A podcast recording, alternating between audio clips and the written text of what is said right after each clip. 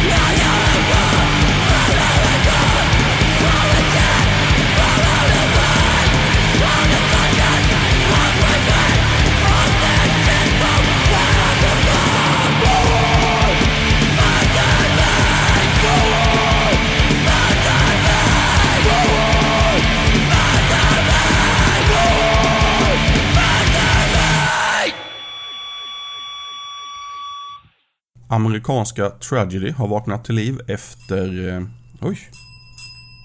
Ja, vi får bli paus här. Det är min franska bulldog. Hon plingar när hon vill gå ut och kissa. Jajamän, så clever är hon. Eh, paus, ska vi se. Så, nu är jag tillbaka. Eh, ska vi se, var var vi någonstans? Tragedy, just det. De har vaknat till liv efter, ja, sex år ungefär tror jag. Eh, och släppt en 12-tummare vid namn Fury som innehåller sex spår, varav den som spelas nu heter Kick and Scream. Skivan släpps via Tragedy Records.